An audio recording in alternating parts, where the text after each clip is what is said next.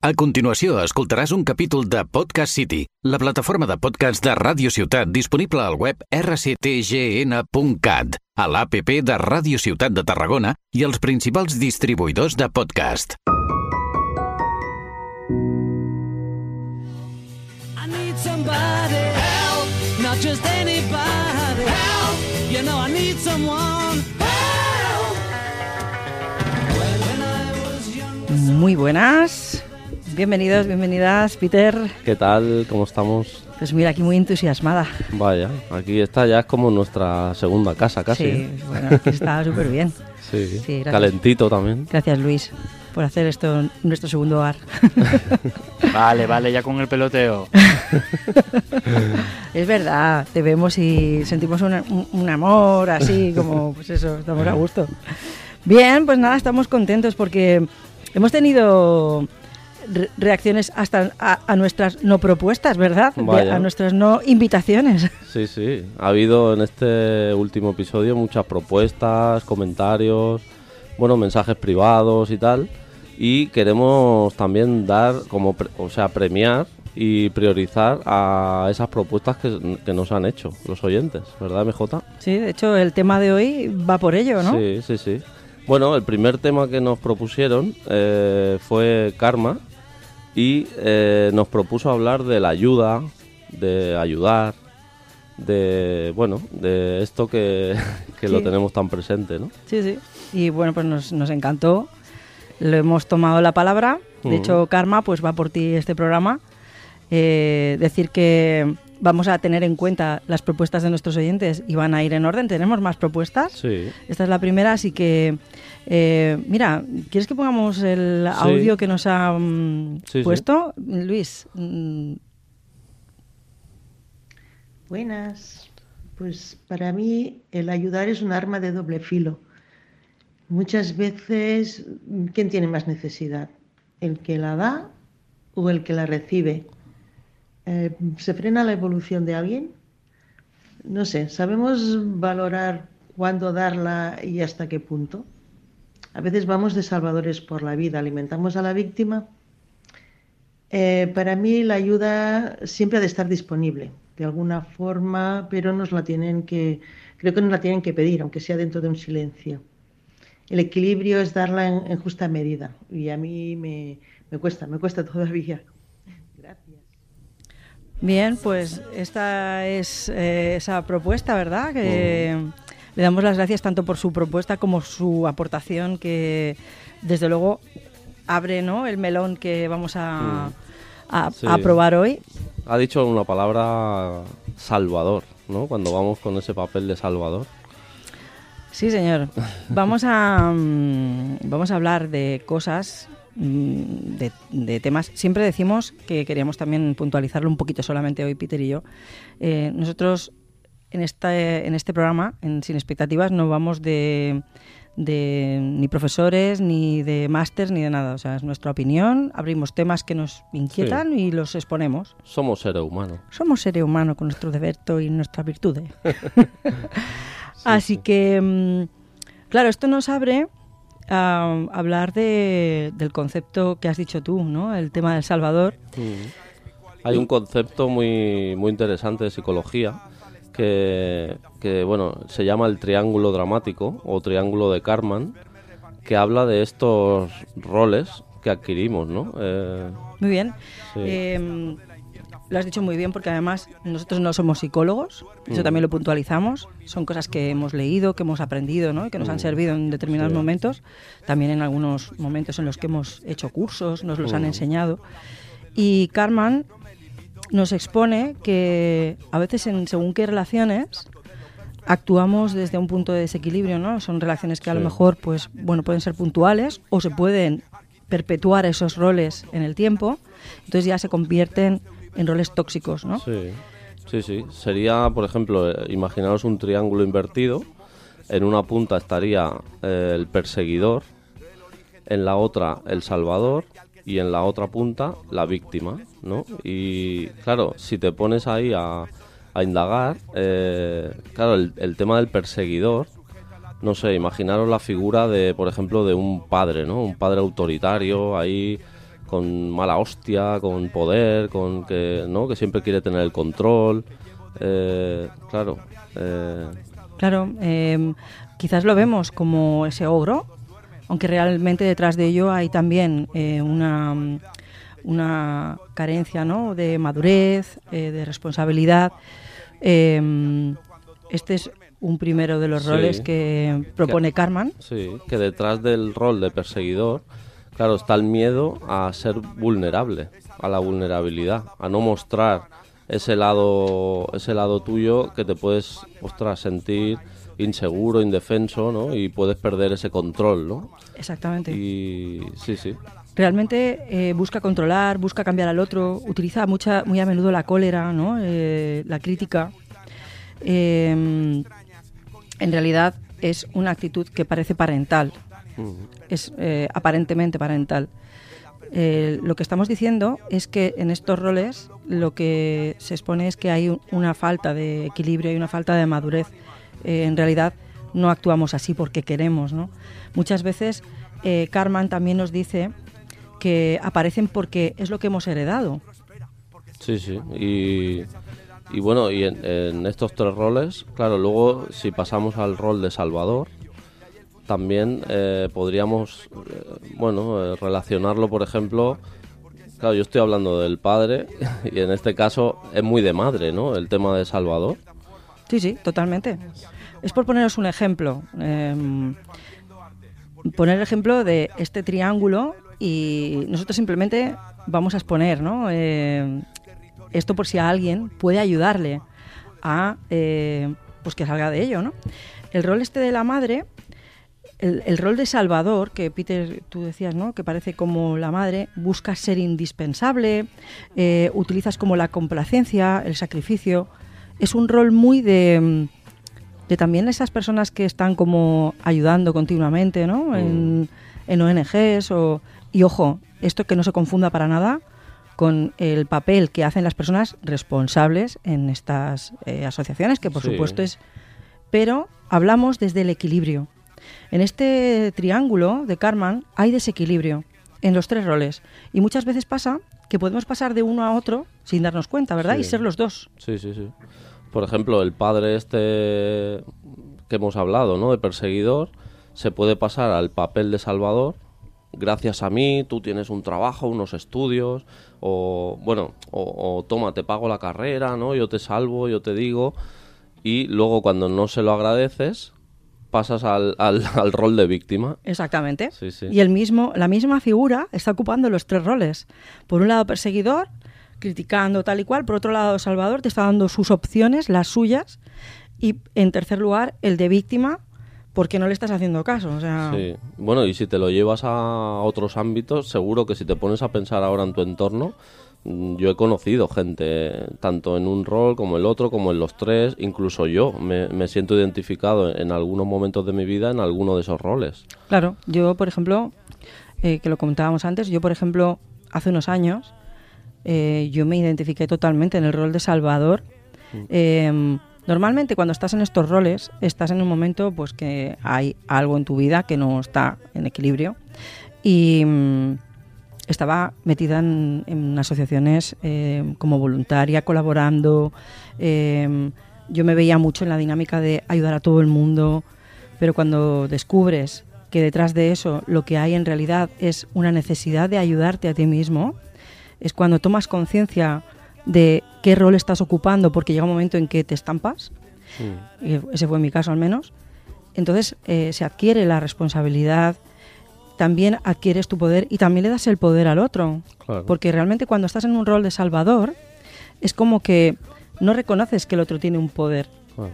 Sí, sí, te lo pones tú, te haces el protagonista tú y, y como que también est- estás deseando que dependan de ti, ¿no? Como, eh, bueno, al final detrás hay eso, ¿no? La- una falta de, al final, de, de lo que hablamos siempre, de autoestima, de buscar amor, buscar, ¿no? Esa necesidad, esa... Claro.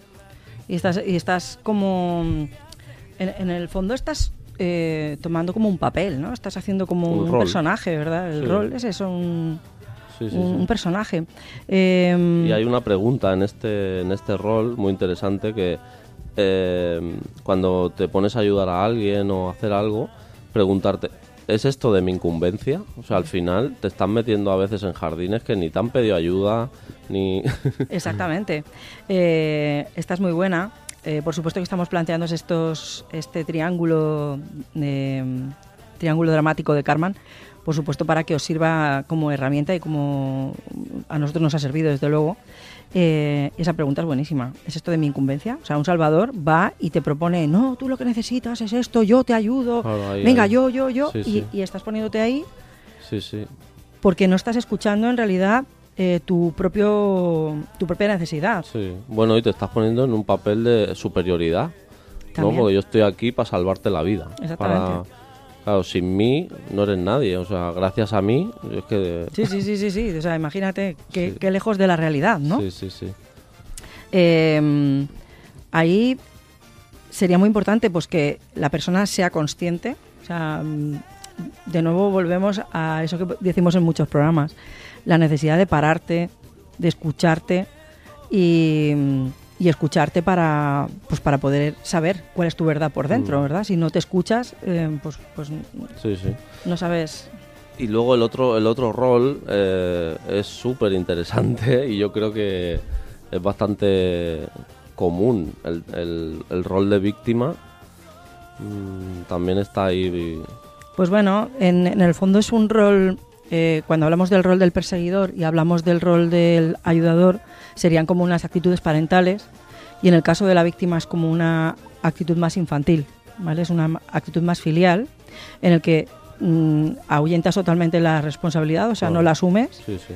te dejas em, que te hagan. Mm. em, Todo es todo es fuera. O sea, claro, yo yo no tengo culpa de nada, ni responsabilidad de nada.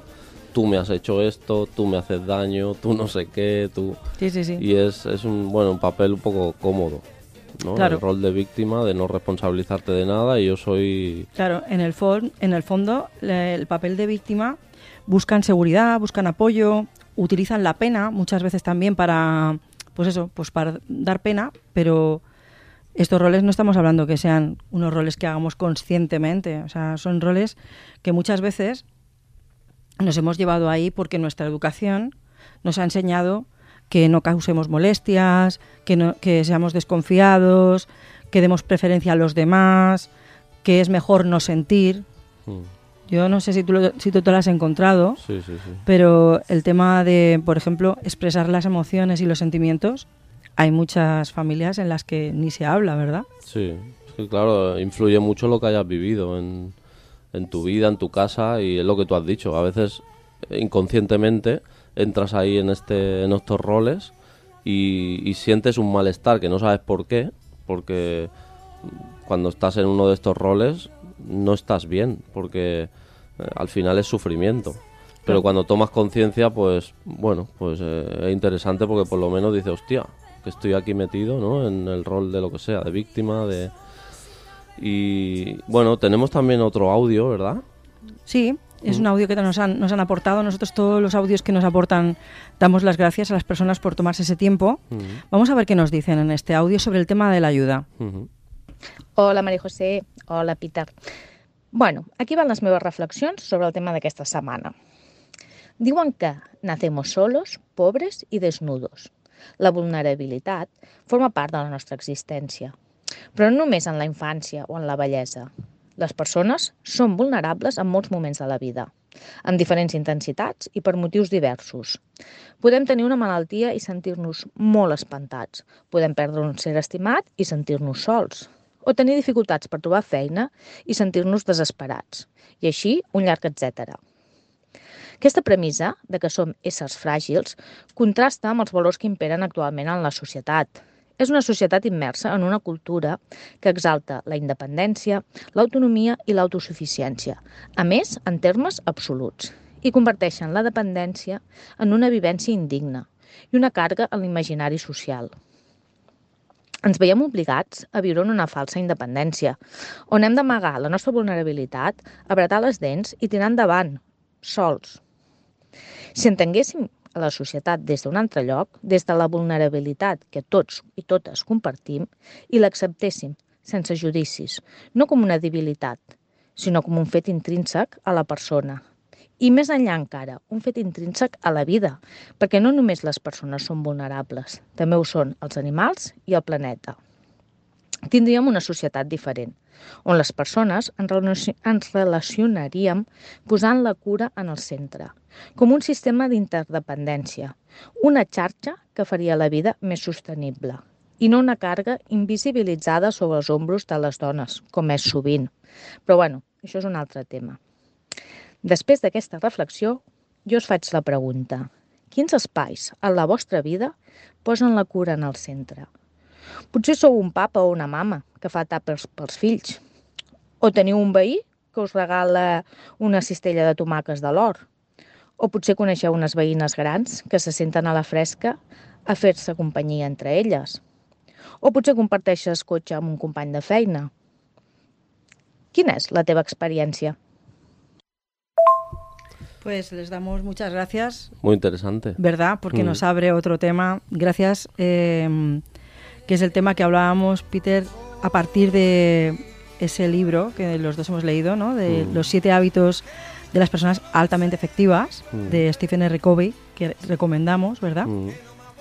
¿Y qué nos plantea, nos plantea él? Nos plantea también... Sí, lo del tema de la interdependencia. Claro, según Covey, eh, pasas, eh, es como una madurez, ¿no? Durante la vida, que empiezas siendo dependiente, ¿no? De tus padres, de, bueno, de... Exacto. Luego vas creciendo, te vuelves independiente y, eh, claro, ahí ya adquieres toda la responsabilidad, pero ya el siguiente paso de la madurez ya es la interdependencia, ¿verdad? Claro. Nos gusta mucho mm, hacer este planteamiento que el audio que nos han compartido, este último que hemos expuesto, nos abre y es la interdependencia sería lo maravilloso, ¿no? El ser capaces de interdepender, porque ese sería el lugar maduro, ¿no? Hemos trabajado, hemos pasado por los roles que son naturales, ¿no? La dependencia es un paradigma del, del, del tú, Luego pasamos a esa responsabilidad hacia nosotros, ¿no? En el de ser independientes, donde soy yo. Mm. Pero el- la interdependencia habla del nosotros, ¿no? Que es muy Claro. bonito, ¿verdad? También. Sí, y como bien ha dicho ella, incluso la naturaleza, ¿no?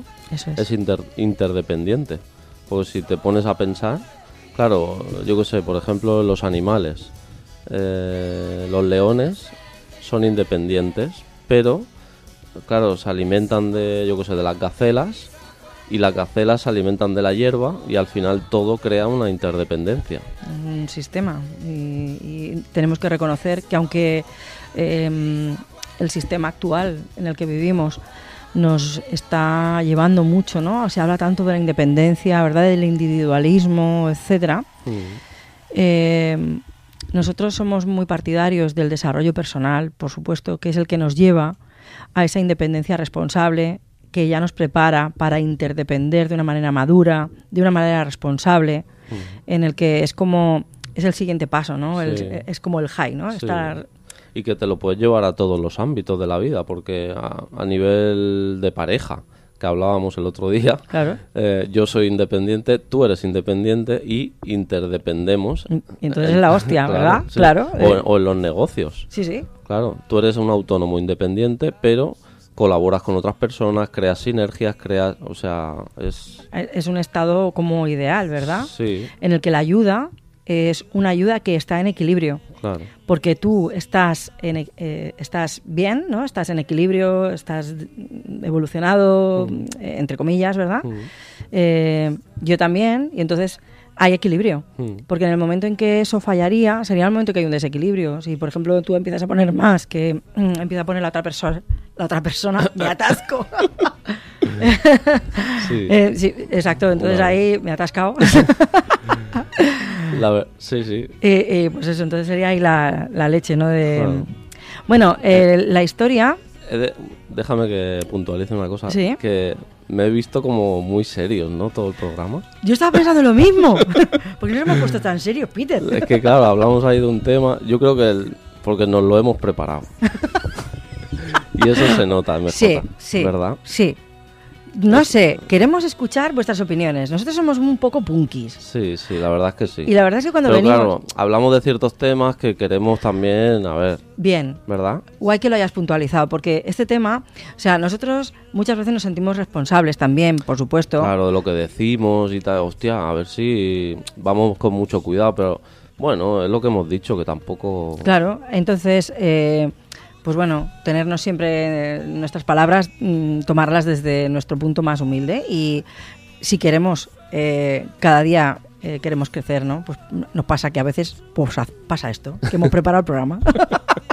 Pero que sepáis que lo hemos probado- preparado porque queremos dar lo mejor de nosotros. Claro, no, y, y esto que os hablamos de la, del triángulo de Karman, de la interdependencia, eh, indagar porque es muy interesante. Sí, ahí queríamos de- eh, decir y puntualizar tres cosas. Eh, porque vamos a poner Sí. nuestro cuando haces cosas pasan cosas, ¿no? Sí, Bueno, pues en nuestro cuando haces cosas pasan cosas. pero qué rápido pasas a la sección. De... Sí, es que No, la sección sería cuando haces cosas. pasan cosas. Así sí. Así nos mola más. Sí, sí, sí. es verdad, Peter. Es que no. Es que voy muy deprisa hoy, ¿eh? hoy es que vamos ahí, el Luis nos está apretando y Nos estamos portando bien. Sí, sí, ahora tu culpa a mí, Pedro. Venga. Bueno, em, en estos tres roles de Carmen, él yo nos... me perdona, me acabo de poner el rol de víctima. Nos están apretando, ¿no? Yo ya balones fuera. Estamos, ya veis, dentro ahora mismo de este círculo dramático y nos Claro. hemos metido en el papel, en el ¿eh? papel del triángulo. Totalmente. Bueno, pues eh, Carman propone que mm, lo mismo que el desequilibrio y el equilibrio, o sea, el antídoto, en el caso del perseguidor, el equilibrio está en... Eh, ¿ves? Lo tengo preparado. En expresar, exprésate. Claro, no, no escondas tu vulnerabilidad. Muéstrala, ¿Sabes? claro. Eh, comparte. eh, hay una cosa que a veces pienso, eh, bueno, que he pensado y lo he pensado atrás siempre. A veces el rendirnos eh, lo, lo, lo lo pensamos y mm, lo equilibramos con el tema de tirar la toalla. Pero a veces hay que pararse y decir, eh, ch, me paro, me rindo, Mm. respiro y entonces reconozco ahí mi, vol- me, me expreso, Claro. me pasa esto. O, o quítate un poco el disfraz ese de, ese de perseguidor, de mala leche, de autoritario. Si eres, eres vulnerable al final. O sea, Eso es. eres vulnerable. No, mm, Todos somos personas humanas. No mientas. Reconoce y acepta. Vale. En el de Salvador, el antídoto sería acompañar, Más que salvar, más que salvar. claro. Yo ahí tengo que deciros que en el momento que yo tomé conciencia, os he expuesto y he abierto mi corazón. Hace un rato yo estuve mucho tiempo en el rol de Salvador, pero cuando descubrí la palabra acompañar, os aseguro Claro. que fue como una liberación. Claro, porque ahí ya no te estás responsabilizando tú de... Eso es. Claro, Dices, doy el poder al otro claro. y yo en todo caso te acompaño. Ahí está. Y el tema del coaching es muy claro, por eso se dice acompañamiento. Acompañamiento. El coach no te salva, te acompaña. Eso es. Claro. Y como último, en el rol de víctima, Mm, el antídoto sería hacerse responsable. Claro. Entonces, eh, hay equilibrio. Sí. Y, y la pregunta que dijimos el otro día, ¿no? De qué parte de responsabilidad tienes tú en todo esto. En todo ese rol de víctima que estás, hazte la pregunta, ¿no? De qué, qué parte de responsabilidad tengo yo en todo esto. Eso es. Y ahí pues diríamos y cerraríamos, ¿no? Nuestro Sí, cuando haces bueno, cosas y si lanzamos cosas. otra pregunta, ¿en qué rol te sientes más identificado de los tres? ¿O estás en los tres? Si estás en los tres, tienes pleno al 15. Tenemos que deciros que no tiene, no hay bote Sí, sí. esta semana, así que os toca, pues eso, eh, escucharos y, y poner acción. Pues sí, hasta aquí nuestro programa de hoy. Una mezcla entre preparación y, e improvisación. Exactamente. Esperamos que os haya aportado algo Mm. y también deciros que seguramente será un programa que tendrá continuidad, porque creemos que es suficientemente grande como para tocarlo desde muchos más lugares. Hoy nos tenemos que parar aquí y bueno, pues eso, esperamos que, que os haya gustado y, y- y nada, pues hasta el próximo. Un placer y un besito a, tú, a ti que nos estás escuchando. Eso es, hasta la próxima. Hasta la próxima.